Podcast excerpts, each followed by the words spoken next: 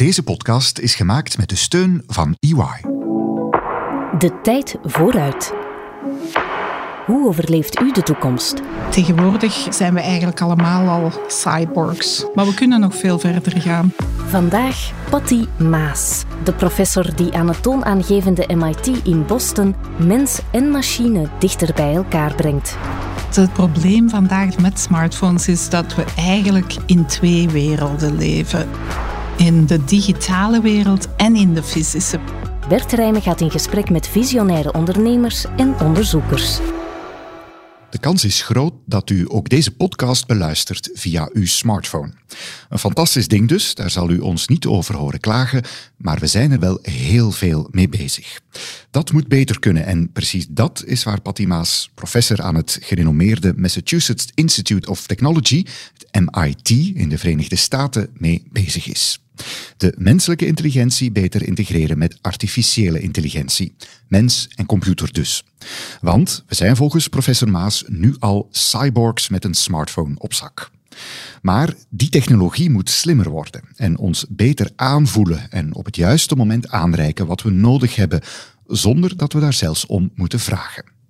Patty Maas was voor een blitsbezoek in België en wij konden haar spreken na een keynote speech in Gent. Ik was eigenlijk altijd geïnteresseerd in hoe we mensen kunnen intelligenter maken of mensen kunnen helpen met dagdagelijkse taken, zodanig dat zij hun doelen kunnen beter bereiken. Want tot nog toe, of lees ik daarin, wat men vanuit de computerwereld aanlevert of vanuit de ontwikkeling van robots en dergelijke aanlevert, is misschien niet helemaal geschikt voor ons als mens. Nee, de focus van AI-onderzoek is echt op het creëren van autonome robotten of systemen die dus eigenlijk autonoom kunnen een bepaald probleem oplossen of een bepaalde taak doen. Ik ben altijd meer geïnteresseerd geweest eigenlijk in hoe je dus technologie en de mens bij elkaar kan brengen en zo eigenlijk iets kan creëren dat ja, de, de best of both worlds heeft.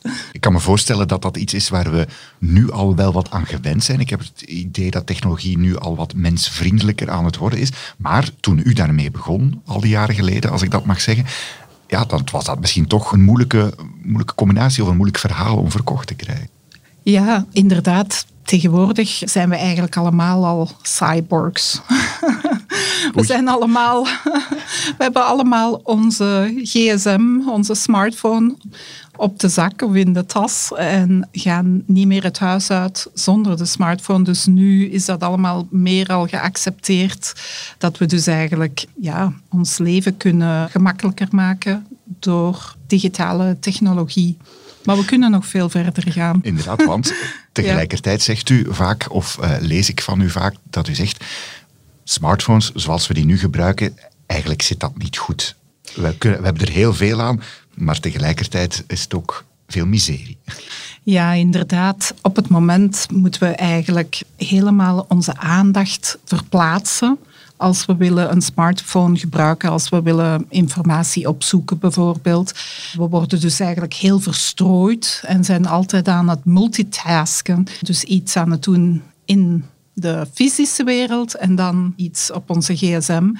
In mijn werk probeer ik alles een beetje meer te integreren, zodanig dat de digitale technologie dus eigenlijk meer een ondersteunende functie kan geven, maar dus niet langer ons dus eigenlijk distract. Hoe uh, afleidt. Afleidt, ja. Dank u. U bent uh, onderdeel van het MIT, waar men in verschillende labos daar op verschillende manieren onderzoek naar doet. Wat zijn zo verbeteringen die er zitten aan te komen of waar jullie mee bezig zijn bij, in het uh, eh, MIT? Ja, waar ik vandaag de dag vooral mee bezig ben, is het ondersteunen van soft skills. De smartphone van vandaag geeft ons toegang tot de kennis van de hele wereld eigenlijk. Maar die helpt ons eigenlijk niet met de soft skills die eigenlijk meer en meer belangrijk worden, zoals heel attentief kunnen zijn voor lange perioden, creativiteit, motivatie. De gsm ondersteunt die helemaal niet op dit moment. Integendeel, heeft eigenlijk een negatieve mhm. invloed op al die dingen. En ik denk dat digitale technologieën eigenlijk kunnen ontworpen worden die ons helpen met die soft skills die zo belangrijk zijn. Kan u daar eens een, een voorbeeld van geven hoe dat beter kan? Ja, bijvoorbeeld, we hebben een bril ontworpen die sensoren heeft die dus je oogbewegingen kunnen nagaan mhm. en ook brainwave activity, EEG, kunnen opmeten. En met die bril kunnen we dus eigenlijk zien of iemand op dit moment aandacht is aan het geven mhm. aan een externe bron van informatie, bijvoorbeeld een leraar in een klas. Of iemand goed oplet, bijvoorbeeld. Ja, ja, of iemand goed oplet. En als dat niet het geval is, dan kunnen we dus bijvoorbeeld een geluidje creëren of iets anders, om die persoon dus eigenlijk aan te raden van terug attentief te, zijn. Ja. ja. Maar natuurlijk, ik moet daar direct bij zeggen, het is een bril zoals elke andere bril die je kan opzetten als je wilt attentief zijn. En je kan die afnemen als je dat niet wilt. Het systeem is ook helemaal niet verbonden aan het internet. Dus alle data worden uh, bijgehouden in de bril zelf en verwerkt door AI-modellen in de bril zelf, zodanig hm. dat dus niemand eigenlijk daar toegang tot heeft. Want dat zou dan inderdaad wel eens een probleem kunnen zijn. Um, is dat iets wat al gebruikt wordt? Is dat iets wat, wat jullie ja, ook willen testen om een breder gebruik mogelijk te maken? Ja, dus wat wij doen op MIT is dus prototypes maken en dan die evalueren door user studies eigenlijk, eh, door experimenten. Een van de technologieën waar we aan werken is silent speech, dus stil spreken. Je kan dus electrodes op mhm. de kin plaatsen en als iemand stil een woord zegt zonder de mond open te doen of zonder lawaai te maken of geluid te maken. Je kan dus eigenlijk signalen opnemen met elektrodes op de kin en dus AI-netwerken creëren die kunnen zeggen welk woord je probeert intern te zeggen.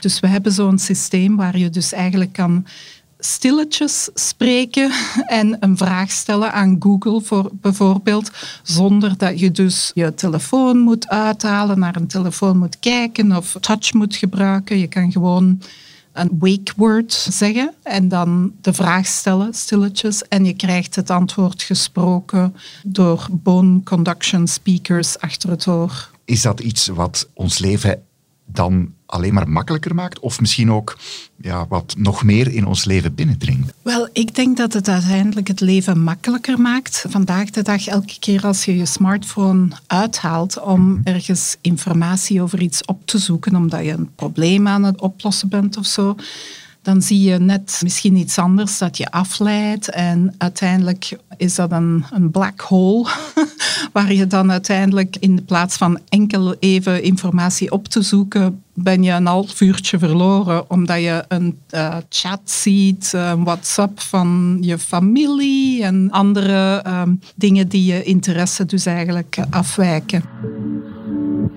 De hele technologische evolutie met computers heeft ons al veel opgebracht.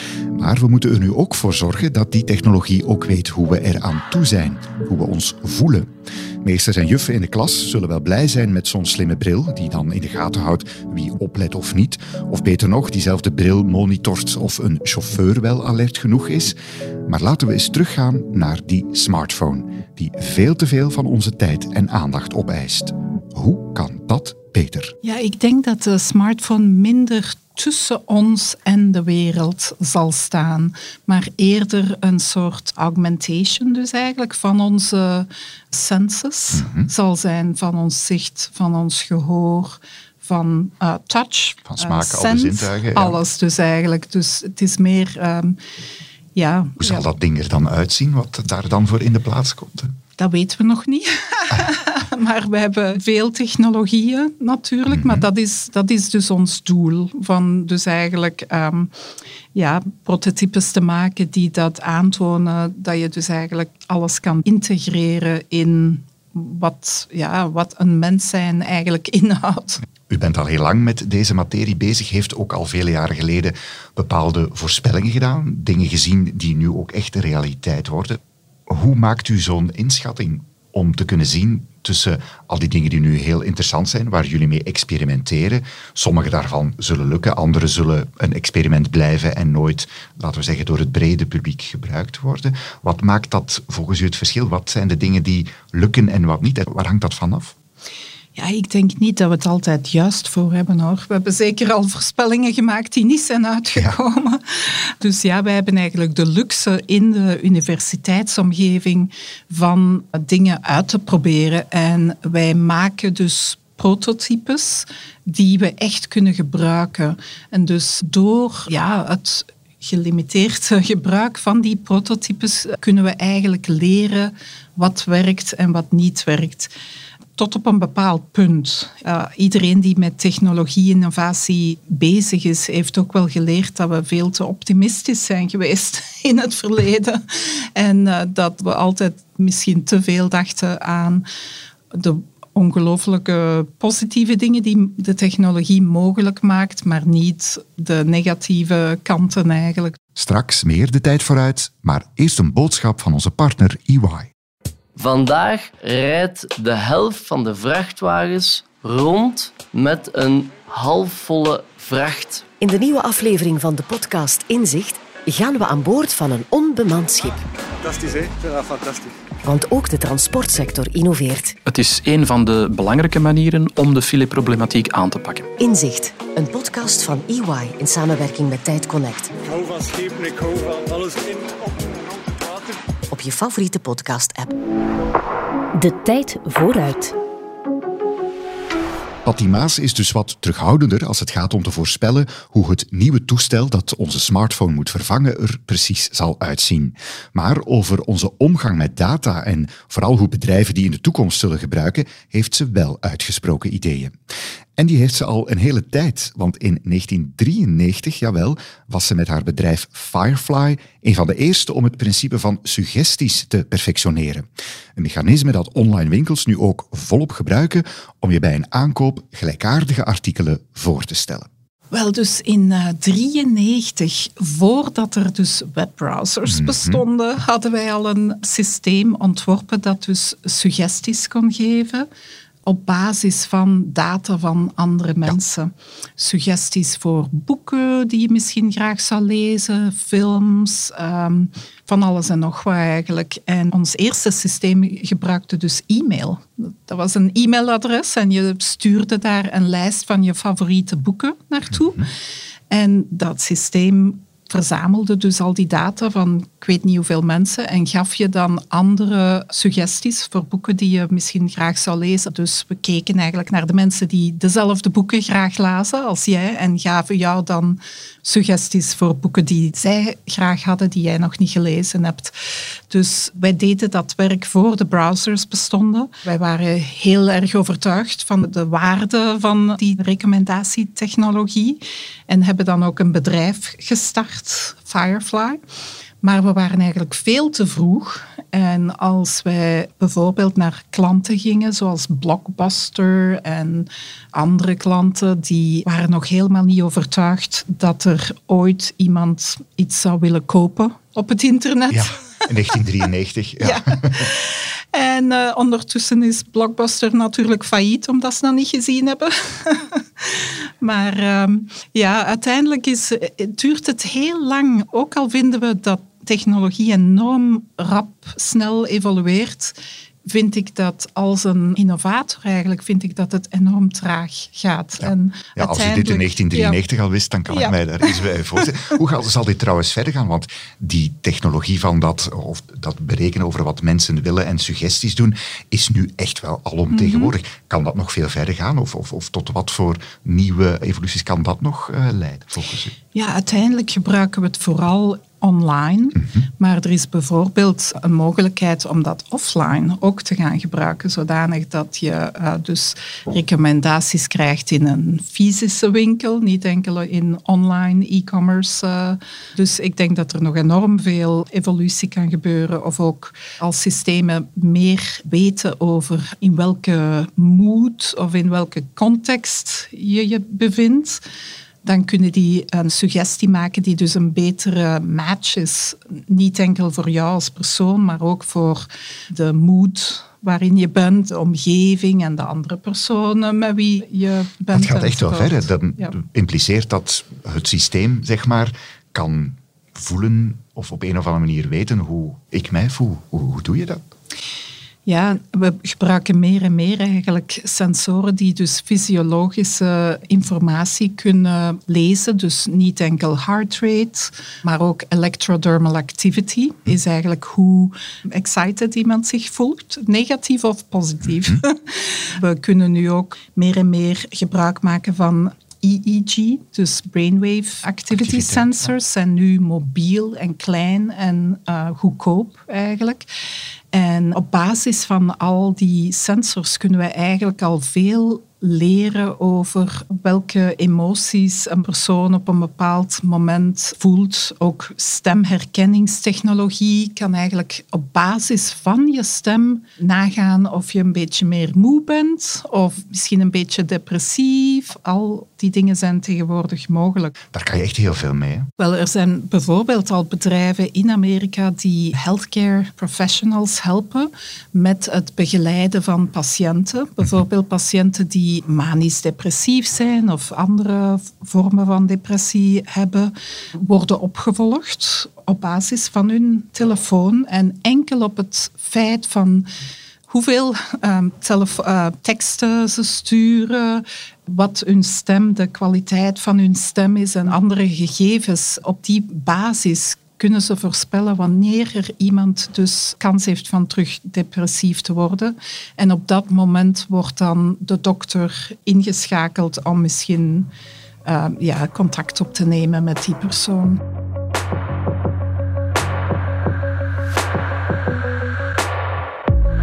Computers die weten hoe je je voelt. En daarmee een dokter kunnen helpen om een patiënt die manisch depressief is op te volgen. Dat kan een grote last wegnemen in de psychiatrie.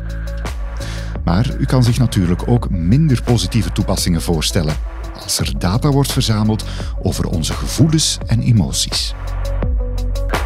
Zeker, privacy is inderdaad enorm, enorm belangrijk. En al die technologieën waar we aan werken hebben heel veel ja, mogelijkheden, maar dat wil ook zeggen heel veel negatieve mogelijkheden. Ja. Dus dat is altijd een vraag die wij ons continu stellen.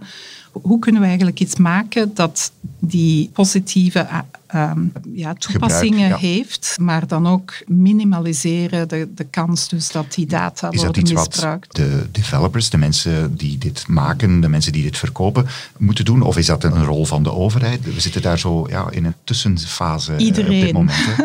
Ik denk eh, meer en meer beseffen we als ingenieurs eigenlijk dat de ingenieurs zelf daar al moeten aan denken. Je kan niet zeggen van oh, dat is een probleem van de regering of de wetgeving enzovoort. Nee, er zijn dus veel oplossingen die je kan toepassen terwijl je de technologie dus eigenlijk ontwerpt. En het is belangrijk dus dat ingenieurs ook ehm, opleidingen over morals en ethics enzovoort krijgen, zodanig dat ze zich die vragen stellen op het moment dat ze dus dingen eh, creëren. Wat is uw mening daar eigenlijk over nu de zeer grote, en dan denk ik aan de Amazons en de Facebooks van, van deze wereld, en de ongelooflijke data die ze nu al hebben van ja, ieder van ons, denk ik zo ongeveer. Ja, spijtig genoeg is dat inderdaad het model waar we ons vandaag de dag in vinden, of de staat waar we ons in vinden. En dat is omdat we eigenlijk software en applications enzovoort en content ook, is allemaal gratis geworden. Lang geleden, toen ik eh, eerst informatica studeerde, dan moest je betalen voor software en betalen voor media en contents enzovoort. En op een bepaald moment hebben we eigenlijk een trade-off gemaakt zonder te beseffen wat de consequenties zijn. En hebben dus gezegd als ja, mensheid als, of als gebruikers dat we dus eigenlijk alles gratis wouden maken en dat we gerust data wouden weggeven om dus eigenlijk al die eh, dingen gratis te Maar eigenlijk, als ik u zo hoor, u vindt dat eigenlijk geen goede deal die we toen als Nee. mensheid hebben afgesloten. Nee, en spijtig genoeg is er nu bijna geen alternatief meer. Of kunnen, Kunnen we daar niks meer aan doen? Nee? Ik denk dat het heel moeilijk zal zijn op dit moment, want ja, nu verwacht iedereen dat dus alles gratis is. Maar ze denken er niet aan dat ze eigenlijk wel een prijs betalen. Een prijs die misschien veel hoger is dan een aantal uh, dollars of euro's. Maar als ik u zo hoor, als ik daar uh, de vraag stel over hoe gaat dat naar de toekomst toe zijn, gaat dat niet echt, laten we zeggen, ten gunste eh, evolueren. Eerder ja, dat die grote eh, databedrijven die nu al zoveel van ons hebben, dat in nog veel grotere mate zullen weten. Wel, ik ben eigenlijk altijd een optimist. en uiteindelijk, bijvoorbeeld met de verkiezingen in 2016 in Amerika. Op dat moment hebben we gerealiseerd wat er allemaal aan de gang was met Cambridge Analytica enzovoort. En uiteindelijk een evenement zoals dat heeft dan werkelijk veel mensen hun ogen geopend. En ik denk dat nu iedereen veel meer bewust is eigenlijk. En er is veel meer een push, niet enkel van de consumenten, maar zelfs van de ingenieurs die in die firma's werken, die bij Facebook werken, die bij Amazon en Google werken. Die hebben zelfs al gestaakt, omdat ze eigenlijk soms niet akkoord gaan met de beslissingen die het management nemen. Hebben nu eenmaal dat model van gegevens, data, die we aan bedrijven geven in ruil voor een gratis gebruik van hun diensten. Dat is niet zonder gevaar. Denk maar aan data die zonder toestemming van de gebruikers wordt gedeeld. Patimaas is ervan overtuigd dat excessen kunnen worden bijgestuurd. Die hele omwenteling door digitalisering is er trouwens niet alleen voor gebruikers, ook bedrijven krijgen er mee te maken. En die weten volgens professor Maas niet altijd goed hoe ze daarmee om moeten gaan. Denk maar aan een megabedrijf als Blockbuster, de wereldwijde videotheekketen, die niet geloofde in digitalisering en genadeloos onderuit ging. In mijn ervaring eigenlijk van 30 jaar onderzoek te doen in AI en, en soortgelijke, op soortgelijke domeinen, zijn er veel bedrijven die, um, ja, die het licht niet zien. En ik denk uiteindelijk moeten ze niet proberen van hun eigen strategie en producten enzovoort te beschermen. Ze moeten echt kijken naar wat uiteindelijk het meeste waarde biedt. En als dat wil zeggen dat ze hun eigen producten en services moeten ja, cannibaliseren, of hoe noemt het? Er kom af mee maken of overboord ja, moeten dan, gooien. Dan is dat nodig. En ik heb zo in het verleden al genoeg gezien, bijvoorbeeld, zegt met Blockbuster, mhm. die niet uh, inzag dat het dus allemaal digitaal ging worden. Wel, Blockbuster is failliet. Kodak geloofde niet in digitale film of pushte toch nog de analoge film zo lang mogelijk. Wel, Kodak doet het veel minder goed. Ze bestaan denk ik nog wel, maar uh, zijn niet meer het grote bedrijf dat ze eens waren. Dus uh, ze moeten het aanvaarden. En wat dat ook betekent voor hun eigen huidige business, die misschien op een bepaald moment heel succesvol is. Um, Bedrijfsleiders, managers moeten ja, veel meer durven om een soort radicale switch dan te maken, denk ik. Ja, en luisteren en kijken naar jongere mensen. Want die leven het leven al dat uiteindelijk ja, zij niet altijd zien. Een hele interessante evolutie die we de volgende jaren nog zullen hebben. We hebben het al over die issues van privacy gehad. En een andere bedenking zou kunnen zijn dat als u dat allemaal zo heel goed gaat ontwikkelen, waardoor die smartphone vervangen wordt door iets wat veel minder ons leven binnendringt, wil het resultaat van dat nieuwe systeem wel zeggen dat we misschien nog veel meer dan nu al het geval is, ja, de hele tijd verbonden zijn en dat het misschien ook ja, steeds moeilijker zal worden om op een of andere manier te deconnecteren, tot rust te komen. Want dan zit het ding bij wijze van spreken in ons hoofd. Ik weet niet of het dat zal zijn, mhm. maar het zal nog dichter op ons zitten. Ja, ik denk dat het probleem vandaag de dag met smartphones is dat we eigenlijk in twee werelden leven. In de digitale wereld en in de fysische wereld. En die twee werelden, daar is heel weinig intersectie eigenlijk tussen die twee werelden. Als onze smartphone meer weet over wat we aan het doen zijn en welk probleem we aan het oplossen zijn enzovoort, dan kan die dus eigenlijk informatie suggereren dat belangrijk is voor het probleem dat we op een bepaald moment aan het oplossen zijn. Of misschien weet die smartphone dan ook dat terwijl je geïnterviewd wordt door een journalist, dat dat het niet het beste moment is om u te gaan afleiden. Dus ik denk dat eigenlijk de oplossing zou kunnen zijn dat het systeem dus eigenlijk meer weet over ons, zodanig dat het de juiste informatie kan geven op het juiste moment, eerder dan ons helemaal af te leiden en in een andere richting te doen gaan met onze gedachten. En dat zou dan inderdaad op die manier ook een soort oplossing kunnen zijn voor het, het gevoel dat sommige mensen hebben, dat, dat ze de hele tijd uh, overvallen worden uh, door te veel informatie, niet de juiste informatie. Inderdaad, we moeten minder informatie aan de gebruiker geven, of de systemen moeten minder informatie geven, maar informatie die veel meer relevant is eigenlijk voor de situatie waar de gebruiker zich in, in vindt. -hmm. Is dat voor u ook, laten we zeggen, die volgende grote stap, dat we niet alleen naar een nieuw soort toestel of ding wat we op een of andere manier daarvoor gebruiken, maar dat dat ook zo slim is dat het ja, iets minder belastend is? Inderdaad, ik denk dat dat dus de oplossing is. Ik had al eerder gezegd dat we eigenlijk cyborgs zijn geworden. en we kunnen niet langer leven zonder onze smartphone. Maar die smartphone heeft enorme negatieve consequenties eigenlijk. Niet enkel privacy, maar onze aandacht die afgeleid wordt, ja. afgeleid wordt enzovoort. De oplossing zal zijn van dus eigenlijk de smartphone slimmer te maken. En zodanig dat die ons dus eigenlijk minder afleidt. En ook meer privé te maken, zodanig dat al die data niet weggegeven worden.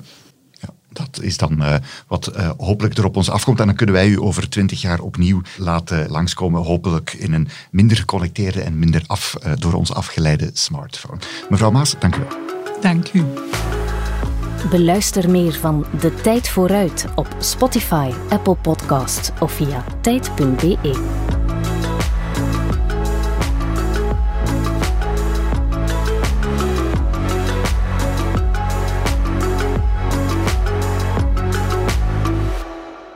In de nieuwe aflevering van de podcast Inzicht gaan we aan boord van een onbemand schip. Pas op als je op het schip stapt. Het is vrij gladdig. Als je platte zolen hebt, dan kun je wel eens uitglijden. Want ook de transportsector innoveert. Vandaag is transport de grote boosdoener wat de CO2-uitstoot betreft. En in de toekomst gaat dat niet omgekeerd zijn.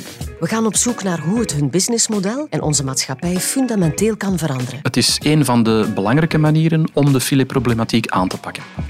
Luister nu naar Inzicht, een podcast over ondernemers en de drive om hun bedrijf digitaal te transformeren. Fantastisch, hè? Ja, fantastisch. Op je favoriete podcast-app.